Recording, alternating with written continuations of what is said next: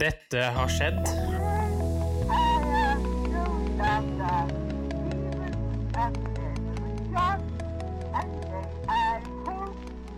Generation X versus Z.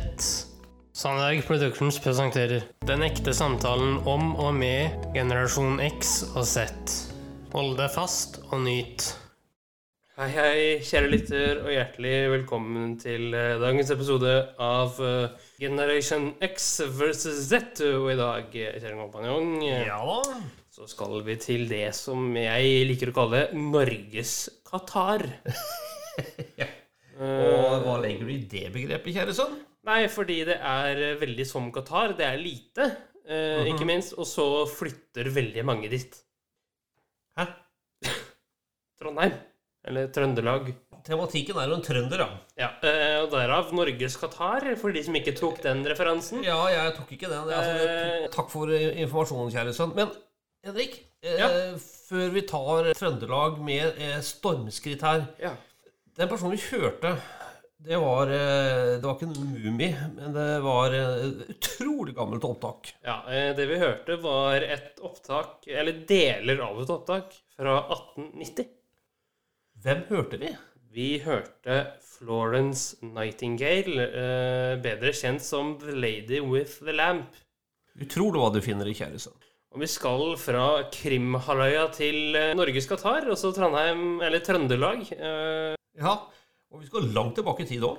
ja da, vi skal til eh, ca. midten av 1700-tallet. Ja, og framover. Ja. Han mister hodet, han. Ja, han mister hodet. Ja, stemmer det. Eh, og litt sånn grunner og sånn kan vi jo ta nå. Eh, han var en eh, Ja, han, han var en falskmynter. Ja, Ordentlig raring, egentlig. men han lagde jo ikke mynter, han lagde jo sedler. Ja. Han het Jens Amundsen Fenstad. Mm.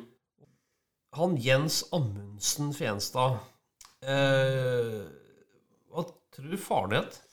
Nei, han heter jo Amund, selvfølgelig. Ja. Eh, og det er jo på grunn av en gammel eh, skikk, Yes. hvor du fikk et navn eh, etterfulgt av eh, navnet til faren din, og så sen eller datter, eh, etterfulgt av stedet du bodde på. Men hvorfor er eh, så interessant her, Henrik? Nei, eh, det var fordi han ble dømt til døden hele fire ganger, Ja, tenk deg det. Er det mulig? eh, men ble benåda de Ja. tre første gangene. Eh, Han rømte eh, som bare det, han. Ja, en god blanding av rømninger og benådninger der. Og vi hører også Jens Bårdsens eh, navn komme fram her. Ja, Nå tror jeg lytterne blir litt ivrige her. Skal vi bare kjøre på? vi kan kjøre på. Vi Yes. kjører klipp. Onsdag 9. november 1825 på Nordnes i Bergen er det klart for halshugging.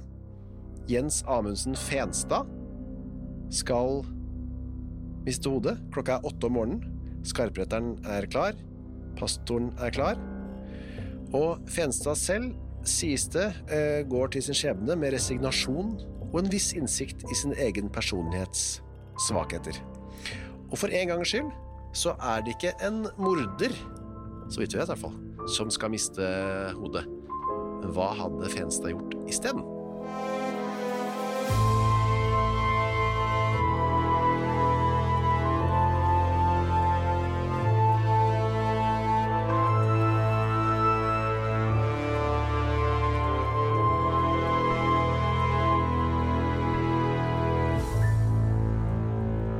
Velkommen til en eh, ny episode i Henrettelsespodden.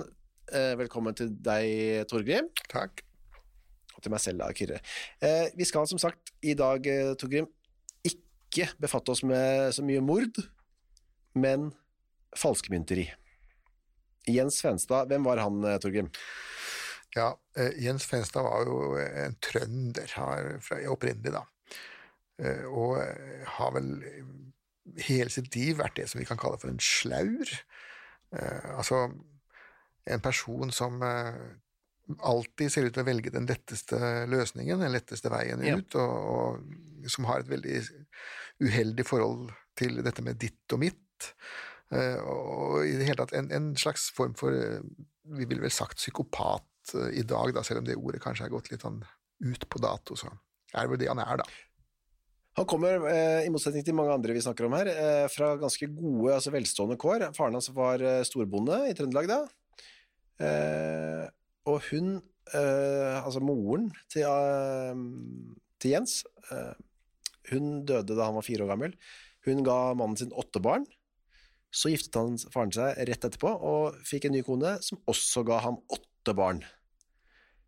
Eh, så det var jo en stor søskenflokk, men han flytta da ut etter hvert. Han gifta seg med en som het Johanne.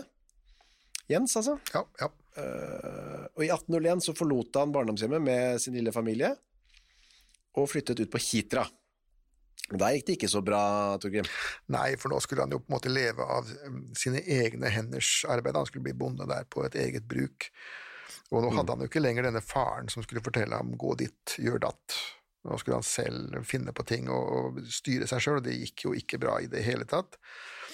Og for å da å spe på de inntektene som han ikke fikk, så begynte han jo å stjele fra naboene sine og fra overalt, og på en veldig enkel og grov måte. Han var jo ikke noen dyktig mestertyv, så han ble jo tatt og tatt og tatt. og det han stjal, var jo også bare vås. Det var jo gamle garn og små matvarer og eh, ting som ikke hadde noen egentlig verdi, da.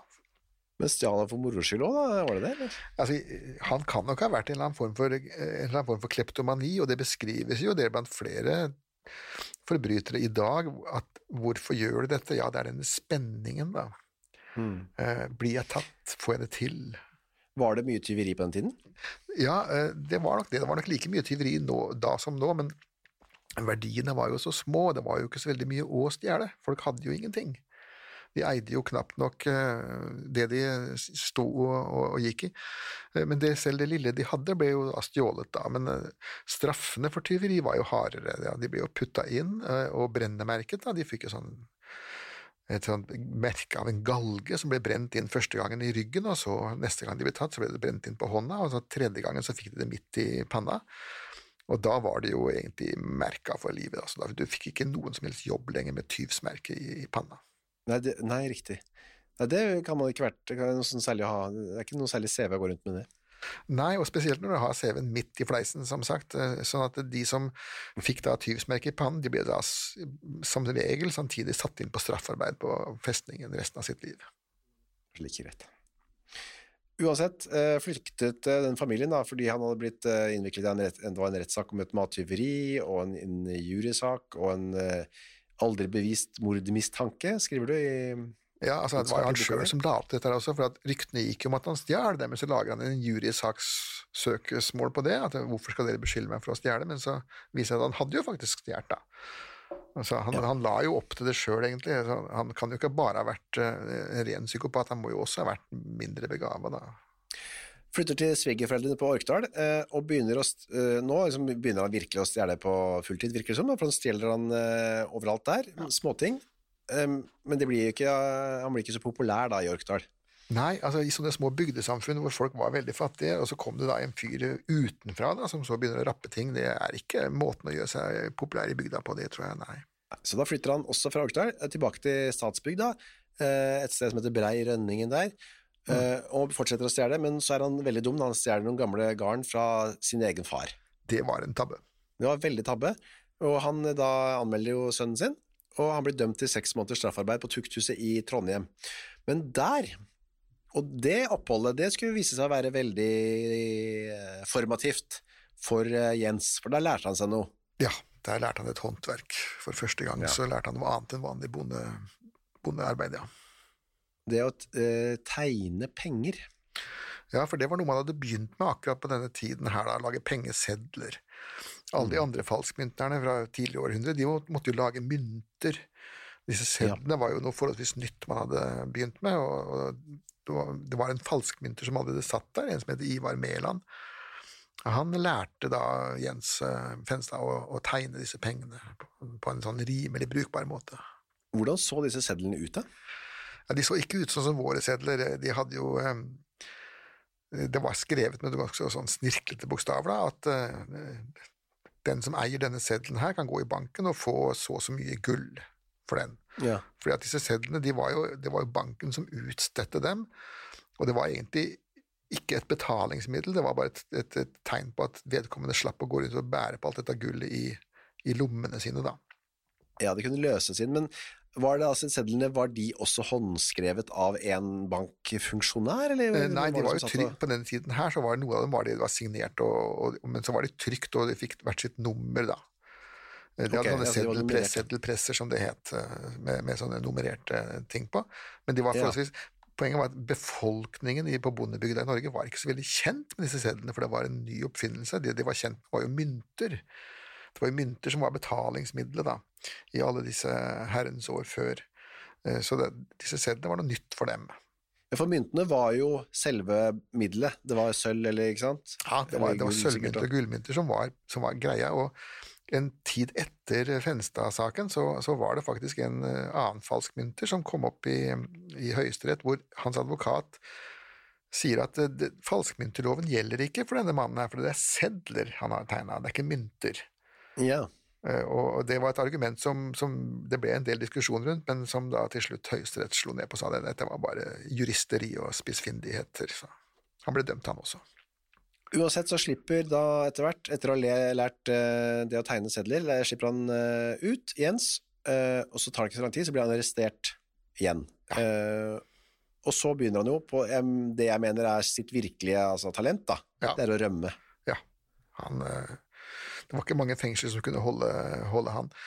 Og det, det var jo også på den tiden her hvor, hvor både Gjest Bårdsen og Ola Høiland eh, også føyk rundt. Og, og det er jo sagt om eksempel Bårdsen at han, eh, han lot seg fange han hver eneste høst for det begynte å bli så kaldt. Så satt han inne om vinteren, og så rømte han på våren. Eh, at for hans del så var det nesten planlagt. Eh, Og det ser ut som, som de fengslene de satt i, var jo veldig slappe saker, da. Og masse rømninger. Det får man inntrykk av når man hører om Penstad, fordi eh, han ble altså arrestert for tyveri igjen i 1812, satt i et halvt års tid og rømte. Eh, så rømte han bare hjem. Ja. Eh, og da ble han angitt av en nabo, står det, eh, selv om han hadde truet denne med å svi av huset hans hvis han skulle sladre, eventuelt gi han noen falske sedler. Ja, det var, det var ikke populært, noe av delene. Nei, og så ble han arrestert og tilstod at han hadde brukt mellom 600 og 700 sånne falske endalersedler. da. Ja da, og en daler, det var en del, eh, det var en del penger eh, akkurat på den tiden her, da. Men eh, man må huske på at, at dette er jo 1812, da. Og rett etter dette så begynte jo den dansk-norske staten å kverne ut dalersedler i et uh, kjempetempo. Uh, Ja. Fordi uh, det, var, det ble en gigantisk inflasjon, fordi at napoleonskrigene gikk jo nå, og, og det Danmark-Norge var jo såkalt nøytralt en periode, da, men vi hadde da et nøytralitetsvern som var kjempekostbart. Eh, og som da ble finansiert rett og slett via seddelpressen, slik at uh, i 1813 så gikk jo faktisk Danmark-Norge konk, er den såkalte statsbankerotten. Pengene Ja. var ingenting verdt lenger. Så, så at, uh, her var jo, hvis vi skal være litt filosofisk, så, så var Fenstad også en falsk falskmynter, men det var også kongen. Riktig, ja. Uansett så rømte han etter dette forhøret, sammen med en annen eh, falskmynter, en som het Guttorm, Kullien. Og de legger ut på et plyndringstokt, eh, stjeler eh, fra vanlige folk, eh, og blir arrestert igjen i Trondheim. Ja. Og så er vi på 17. mars 1814, og da rømmer han igjen, Jens, Ja da, og eh, drar tilbake til sitt hjem. ja da det er sånn han, han prøver å flykte tilbake til sin trygge hule. da. Han, han lærer jo på en måte ikke noe av dette her.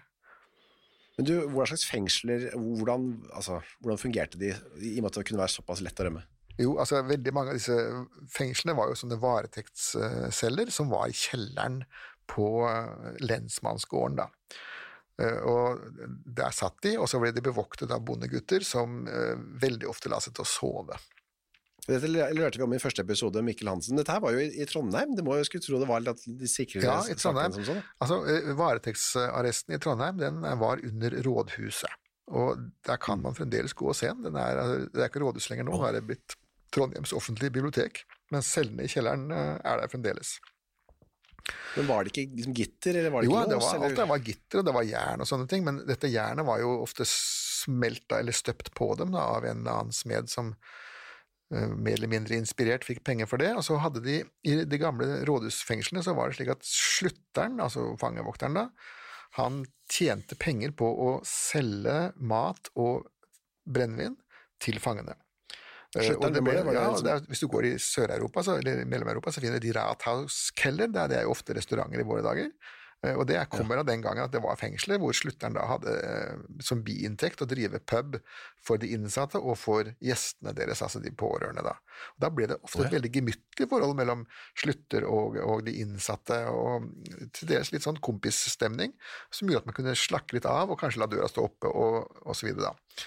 Så eh, det var også, også litt fangevokterne som ikke gjorde jobben sin spesielt grundig. Og så, du er inne på det her i denne boka, men det kan jo også være at han eh, stakk til disse vokterne noen sånne falske penger, da. Ja. Altså bestakk dem. Penger er en nøkkel som åpner mange dører, ja. Uansett, så etter å ha rømt hjem, så rømmer han videre ned til Kristiansund, um, og eh, blir arrestert i april. Nå har han laget noen nye sedler, da. Ja, for nå, nå hadde man jo byttet, byttet altså Etter den statsbankerotten i 1813, så var jo de gamle dalerne var jo da ikke lenger riksdalerne, de var ikke lenger gyldig mynt. Eh, og, og så kom da denne her tragedien i 1814, da, hvor, hvor Norge og Danmark ble delt fra hverandre. Eh, og da måtte da den nye norske staten begynne å lage egne sedler, da. Ja. Eh, Og da kom det sånne Det lært. ja, og det var også en veldig langvarig og komplisert uh, historie. Eh, hvor, hvor den norske, nye norske staten drev jo også med utstrakt uh, falskmyntneri. Eh, Blant annet så hadde man jo oppdaget at eh, i Norge så sto det fremdeles en seddelpresse som lagde danske dalere fra 1813, og den fortsatte man å kverne ut pengesedler på helt fram til 1815, altså på den danske stats bekostning. da. Oh. Ja, så det at eh, den, den norske eh, revolusjonen, eh, som den kalles for i 1814, medførte jo en del eh, Man måtte ta og kutte en del hjørner. Han ble arrestert i Kristiansund, eh, men så rømmer han igjen da bare, og lever da på rømmen fram til vinteren 1814-1815. Eh, og da eh, ja, du, rundt på Nordmøre, eh, veksler de noen penger i Kristiansund i ny og ne, så blir han arrestert, rømmer, blir arrestert igjen, rømmer igjen, Ja, ja. og, og så til slutt transportert inn til Trondheim i januar 1815. Men det holder ikke Altså. så lenge, det heller. Nei, han rømmer igjen i august. Og der skriver du også at han har antakeligvis har bestukket uh, strødd om seg med disse nytegnede pengene sine. Da. Ja, da, og da blir jo, Etter hver rømning så ble jo fangevokterne stilt for retten. Ja. Uh, uansett, og, han- og, og da måtte de ha en uh, meget god forklaring. Ellers så måtte de vokterne bekoste det det, det, det kostet å fakke forbryterne igjen. da. Det virker jo liksom her på den tiden her at uh, staten er Den er ganske på halv tolv. Det er ikke mye sånn Det er ikke mye orden i det offentlige. Nei, altså et, etter, i- eller i 1814 og de første årene etterpå, så, så var jo dette her i Norge en sånn røverstat da, som ja. forsøkte å Og det var jo også derfor at bruken av dødsstraff gikk sånn opp etter 1814. i hvert fall at En sånn stat må jo på en måte markere en autoritet, og hvis ikke man kan gjøre det på en annen måte, så får man begynne å hogge hodet av folk. da, Det er jo et velkjent historisk fenomen. det der. Jens fikk dom, eh, sin første dom eh, 5. mai 1817, selv om eh, forsvareren hadde ment at eh, sedlene var så dårlige at det ikke var noe, kunne gjelde som ordentlig falskmyntneri. Eh, Så det hørte de ikke på, dømte han til døden eh, etter hvert i Høyesterett. Mens han venter på dommen i Høyesterett, så møter han faktisk Gjest Bårdsen, og da lærer lærer er det da Fenstad som lærer Gjest Bårdsen opp til å bli, Ja, bli falskmynter? jeg? Ja da, og, og Bårdsen lagde også noen falske sedler, men han, det, det var ikke det som ble hans uh, hovedmetier. da. Han, uh, han syntes det var bedre å være tjuv. Ja. De to uh, rømmer sammen fra fengselet, og så blir de fakket, og så tilbake igjen. Uh, får da Fenstad dødsrettsdom, dødsdom, men den blir omgjort, og det, for det var ikke så vanlig å ha halshugge falskmyntere på den tiden. Nei, det var ikke så vanlig å falske falskmynter i det hele tatt. Uh, og, og faktum er at uh, man må tilbake til 1700 uh, for å finne noen falskmynter som faktisk ble henrettet da. Og, og selv da var det egentlig misforståelse. Det var to karer fra Telemark som, eh, som hadde rømt, de også. Og så hadde de rømt over til Sverige og så spredd falske sedler der også. Eh, Og så ble det masse jalla om hvem som skulle utlevere dem, om de skulle tilbake til Norge. Eller, men så fant da norske nordmennene ut at eh, hvorfor kan ikke bare svenskene få henge dem? Eh, Og så gjorde de det. Men etter det så har alle falskmynter i Norge blitt benådet. Hver eneste bide igjen. Ja. Og også da Jens, han ble dømt til livstid på Bergen, Bergenhus festning. Ja. i Bergen. Der i Bergen tenkte man at han eh, ikke kom til å rømme så lett, fordi der kjente han ingen, videre, hadde ikke noe kontakt på utsiden og sånn. Eh, Men han tegner nye sedler der inne, og inne i, altså, inne i fengselet, da. Ja. Som han prøver å kjøpe brennevin for. Ja, altså, hva skal man bruke dem til? Han, eh, Ja, det er det. Eh, Så da får han sin annen dødsdom, da, for det ble oppdaget. Men i mellomtiden så klarer han også å rømme da, fra Bergenhus. ja, og det er jo ganske, ganske bra gjort. Da. Det er jo ganske tjukke murer, og det står jo der enda, den her Bergenhus festning, og det er jo et monumentalt byggverk. da. Han drar hjemover, altså nordover, der, retning Trøndelag, blir arrestert, uh, forhørt, og så skal de ta han tilbake til Bergen. Men i Sogn så rømmer han på ny, bare. Ja. Det er eh, nesten som man ikke tror det er sant, altså. Ja, men Han må jo ha hatt en sjarmerende måte å være på da, altså, overfor sine voktere og sine transportører. Ja. Ehm, så da er han rømt, ja, og dukker opp i, blir arrestert igjen i Valdres. Eh, Og har, som vanlig, nye falske penger. Og da får han forkynt denne dødsdommen, denne nummer to, som også Karl Johan, da, som er konge, Sverige-Norge, da, benåder. Og dømt til enda ny livstid da, på Bergenhus, og han tegner enda flere Endalersedler. Du skriver at han eh, tegner på natten mens de andre fangene sover. Ja. De var jo altså lenka til en sånn stokk, Ja. alle sammen. Så hvordan han klarte det, er jo, er jo for meg et, et mysterium. De må jo ha sovet noe utrolig dypt, eh, de andre fangene. Sannsynligvis, eh, vil jeg tro, så sov de ikke i det hele tatt. Sannsynligvis så visste de nøyaktig hva han drev med, men, men valgte å lukke øynene, Ja. bokstavelig talt. da. Men hvem er det som driver og gir han sånn papir og blyant da, til enhver tid? Det er jo litt rart det òg, da. Det kan du si, men så ta et moderne norsk fengsel, da, hvor, hvor, hvor tross alt sikkerheten er veldig mye større, og hvor det er overvåkningskameraer og mange flere fangevoktere. Det er, narkotikaen flyter jo fritt, Ja, og det er jo mye dyrere er enn blekk og papir også. jeg er enig. Uansett, eh, for dette, denne siste tegningen, så får han da sin tredje dødsdom, som også Karl Johan eh, gjør om. Og igjen dømmer han til livstid eh, på festningen, men nå får han da en et tilleggsstraff, og det er pisking, 27 slag. Ja. Det får han. Ja da. Det, var, det, var, det Piskestraff brukte man helt fram til midten på 1800-tallet. Er det sånn eh, i full offentlighet? eh, Ja, det var, film? det var to, to typer fisk, piskestraff. Den ene var i full offentlighet, eh, gjerne på torget eller foran kirken. Da Da tok man av seg på overkroppen, og så fikk man da disse 27 slagene på ryggen. Og ofte så ble det også kombinert med at man da tok og brennemerka midt oppi de, de gamle arene der, da. Men så kunne du også få såkalt pisking i fengselet, da. Da foregikk det hele Ja. inne i fengselet, hvor det var slutteren som utførte jobben litt mer diskré. Er dette som kalles for kakestrykning? Ja, dette er, og de gamle, hvis du husker fra den gamle bibelhistorien, så sto det også om Jesus at han ble strøket til kaken. Og jeg husker da jeg var barn, så lurte jeg fælt på hva slags kaker det var han hadde fått, men det var altså pisking, det er et annet navn for pisking. da. Hvorfor, hvorfor heter det strykket i kaken? Hva- hva- Denne kaken er den stokken som han ble ja. bundet fast til. Riktig. Eh, Og fremdeles er det vel noen steder på Østlandet som heter Kaken, fordi det var der den sto. Eh, Den hadde, så litt ut som gapestokken, egentlig. Det var rett en pæl som sto rett opp, hvor man da bandt eh, den dømte fast med hendene, og så sto da skarpheteren og pisket løs eh, bakfra, da. Han uh, syns ikke det var noe særlig å være på Bergenhus, uh, Jens Fenstad, så han, uh, i 1822 så rømmer han bare igjen. Ja. Uh, denne gangen så drar han ned til Sørlandet, og så over til Sverige, og der er han blitt 45 år gammel. Jeg har det ikke så bra fysisk, han har fått skjørbuk.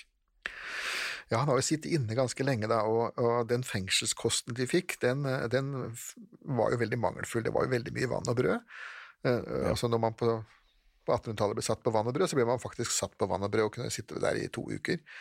Men selv når ikke de hadde brød, så var det kjøtt sånn, og graut og veldig lite grønnsaker. Og absolutt ingen sydfrukter. Så det var veldig vanlig med skjørbuk blant fanger eh, og blant eh, sjøfolk i langtransport. Ja. Eh, han prøver å verve seg til, altså til militærtjeneste, men de vil ikke ha han. Og derfor vender Jens tilbake til Sunnmøre og fortsetter å tegne disse sedlene. Og i slutten av 1824 så blir han da tatt igjen, og det er vel siste gangen. Ja, Man kan jo spørre seg hvorfor drev Karl Johan og benådet en mann tre ganger etter hverandre. Eh, vel, eh, det hadde jo skjedd før da, at folk har blitt benådet og, eh, igjen og igjen og igjen. Men poenget var jo at Karl Johan hadde et visst motsetningsforhold til den norske regjeringen når det gjaldt valutaen. Han var jo steinrik selv, personlig, og eh, var eh, konge i Sverige. Og hadde en personlig interesse av at den såkalte norske valutaen skulle gå eh, til helvete. Ja. Sånn at han benådet om igjen og om igjen, og syntes i grunnen ikke det var så fælt at, at noen prøvde å ødelegge den norske valutaen, men det er klart, på et eller annet tidspunkt så må jo også han sette foten ned.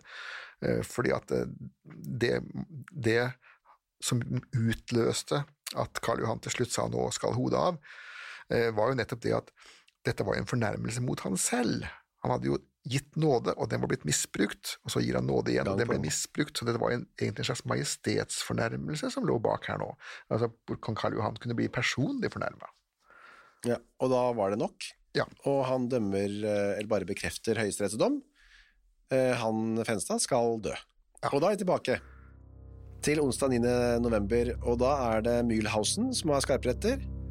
Klokka åtte om morgenen. Litt tidligere enn eh, vi har hørt tidligere, som var mellom ni og elleve. Ja, ja da. Og de hadde er allerede gravd, gravd graven ferdig, og bergenserne stilte nok opp, skjønner du. De, de, de var glad i sånt. Ja, så selv om det var en fange som egentlig hadde vært inne i fengsel hele tiden, så måtte selve henrettelsen den måtte foregå ute blant folk. Omtrent det stedet hvor eh, akvariet er nå, da. Ja, Ute på Nordnes. Og da var det Mühlhausen, ja. Hva slags type var det? Altså, Mühlhausen hadde vært uh, skarpretter i Bergen veldig lenge. Eh, Og hans uh, familie var, hadde vært skarpretter i alle herrens år. Så langt tilbake tiden går. og det var vel en onkel av ham, den store Gottschalk Mühlhausen, som i sin tid da, da hadde partert Struense på torget i København. Eh, Ja. Så dette var, dette var eh, profesjonelle folk tvers igjennom, hele familien. Men Mühlhausen selv hadde ingen sønn. Det var ingen som kunne overta til Mühlhausen. Han hadde en svigersønn, men han hadde tæring. Så det ble til slutt etterpå så ble det Isberg som fikk, eh, fikk overta. Ja, som vi hørte om i forrige Ja. episode. Jep. Mühlhausen sto klar med øksa. Eh, Folk var stimlet sammen, kan vi regne med. Eh, Soldater var på plass. Og så var det pastor Welhaven, som skulle være liksom den kirkens mann. Ja. Er det faren til uh... Ja, dette var faren til, til dikteren, ja. Både Welhaven og Wergans fedre var jo begge de var vel prester.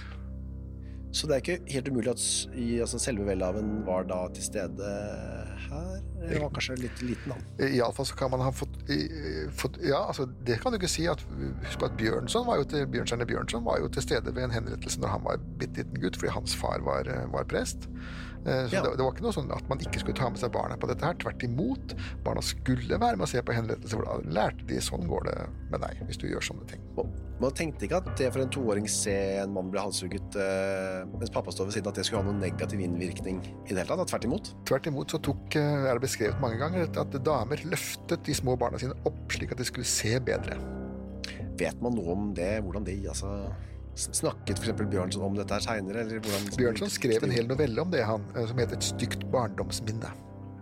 Ja. Hvor han skriver og beskriver henrettelsen, og han beskriver også hvordan han sto der, og så, i det øyeblikket øksa falt, så snudde han seg vekk og hørte en lyd som når man deler en turnips. Det var sånn Ja. han beskrev det. Han var jo dikter, da.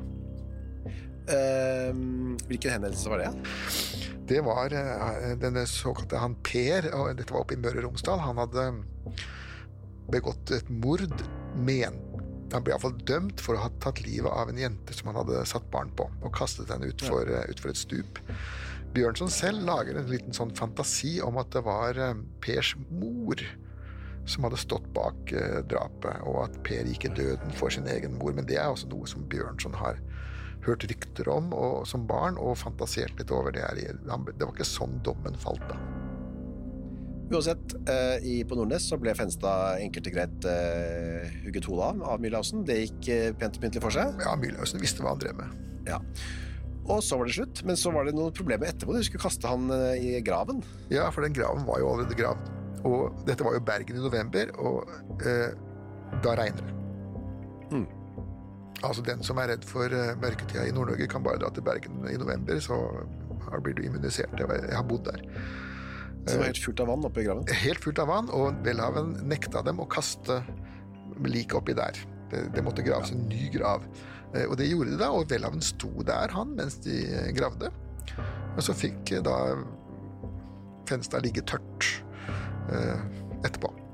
Så gikk det da rykter om at eh, det var dette som tok livet av Welhaven, men det var det jo ikke. da, Det er også bare en sånn myte som går. Han levde jo mange år etterpå. Men at det tok livet av Fenstad, det er det ikke noen tvil om. Nei, det var Mühlhausens øks. Det var den historien for denne gangen, eh, Torgrim. Vi er tilbake med en ny og litt spesielt grusom eh, historie, kan vi vel eh, slå fast, neste uke. Takk for i dag.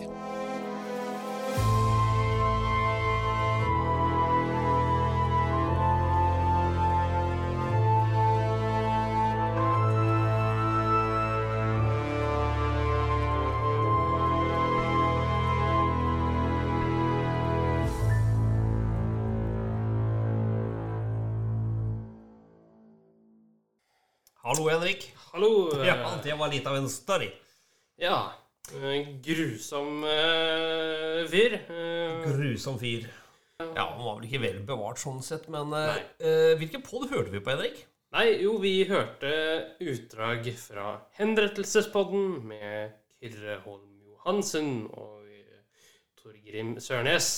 Ja, og eh, vi har spilt de før. Vi eh, digger de gutta. Og eh, det som er, det er at vi kjører på. Ja, jeg vil bare snakke litt først om uh, hvor vi skal uh, neste uke, kjære kompanjong. Right? Neste uke skal vi til uh, det jeg liker å kalle Norges Monaco. Ja, igjen så lurer jeg i verden hva du tenker nå. Vi skal vel egentlig til Halden, eller? Riktig. Er det Kan du sa- sammenligne du Monaco og Halden? Ja, et lite sted hvor de som er fra, er glad i, og hva er en haldenser egentlig? Bortsett fra en raring? Ja, ikke sant? Ok, greit. Uh, ja. Ja, vi er jo fra det området der begge to, og har slekt fra området rundt. Uh, Ja da. Uh, og så vil jeg bare si eh, til de som eh, lurer på hvorfor jeg nevner Monaco, eh, og som en sånn oppvarmer til Monaco Grand Prix. Eh, rett og slett der, altså. Men nå skal vi til eh, mitt faste innslag.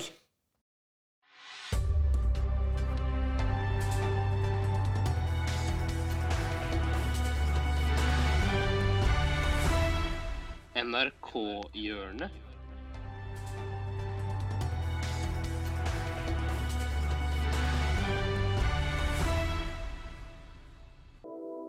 Ja, selvfølgelig så er vi her igjen. ja, nå er jeg spent. Eh, Jeg har jo lagt min elsk på NRK Ja. eh, av flere grunner. Ja. Jeg er en mann som hater reklame. Men vi skal til eh, dette innslaget, da. ja. Da skal vi til en mann som har et hat-elsk-forhold til Voi. Det er normalt i Pakistan å ha tom motorsykkel og to stykker bak eller tre stykker bak uten hjelm. Når ble Norge Pakistan? Jeg, jeg forstår, jeg så morapuler tre jenter på Voi her om dagen. På 17. mai, faktisk. I bunad. Ja. Skulle ønske de døde der. Nei, Men ikke på ekte! Ikke dø, dø!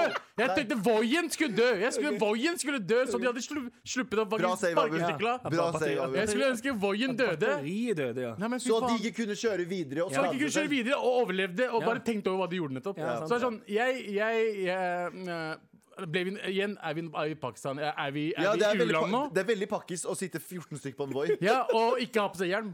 ja. og ikke ha på seg hjelm. Hvorfor, hvorfor er ikke det pålagt å ha på seg hjelm på Voi? Altså, ok, men da har vi det òg. Tåregass på de òg. Okay, Tåregass de. Ja. For, Ikke de, mens de, ikke mens de sykler, da. Nei. de som ikke fikk det med seg Etter. De bare bedt, de bare stoppa. Unnskyld. Gå av den. Ja. Og sier sånn eh, OK, hva skjer?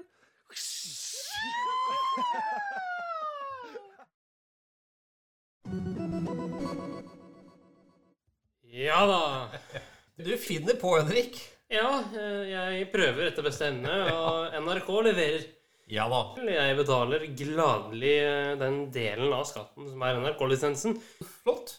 Vi ses om en uke, og jeg gleder meg. Og jeg har hatt det fantastisk sammen med deg, gutten min. Jo, takk det samme, du. Å, hjertelig. Tusen takk for at du fulgte oss. Gi gjerne tilbakemelding, likes eller kommentar på Facebook-siden vår Generation X versus Z. Velkommen igjen til neste podkastepisode. Hei då!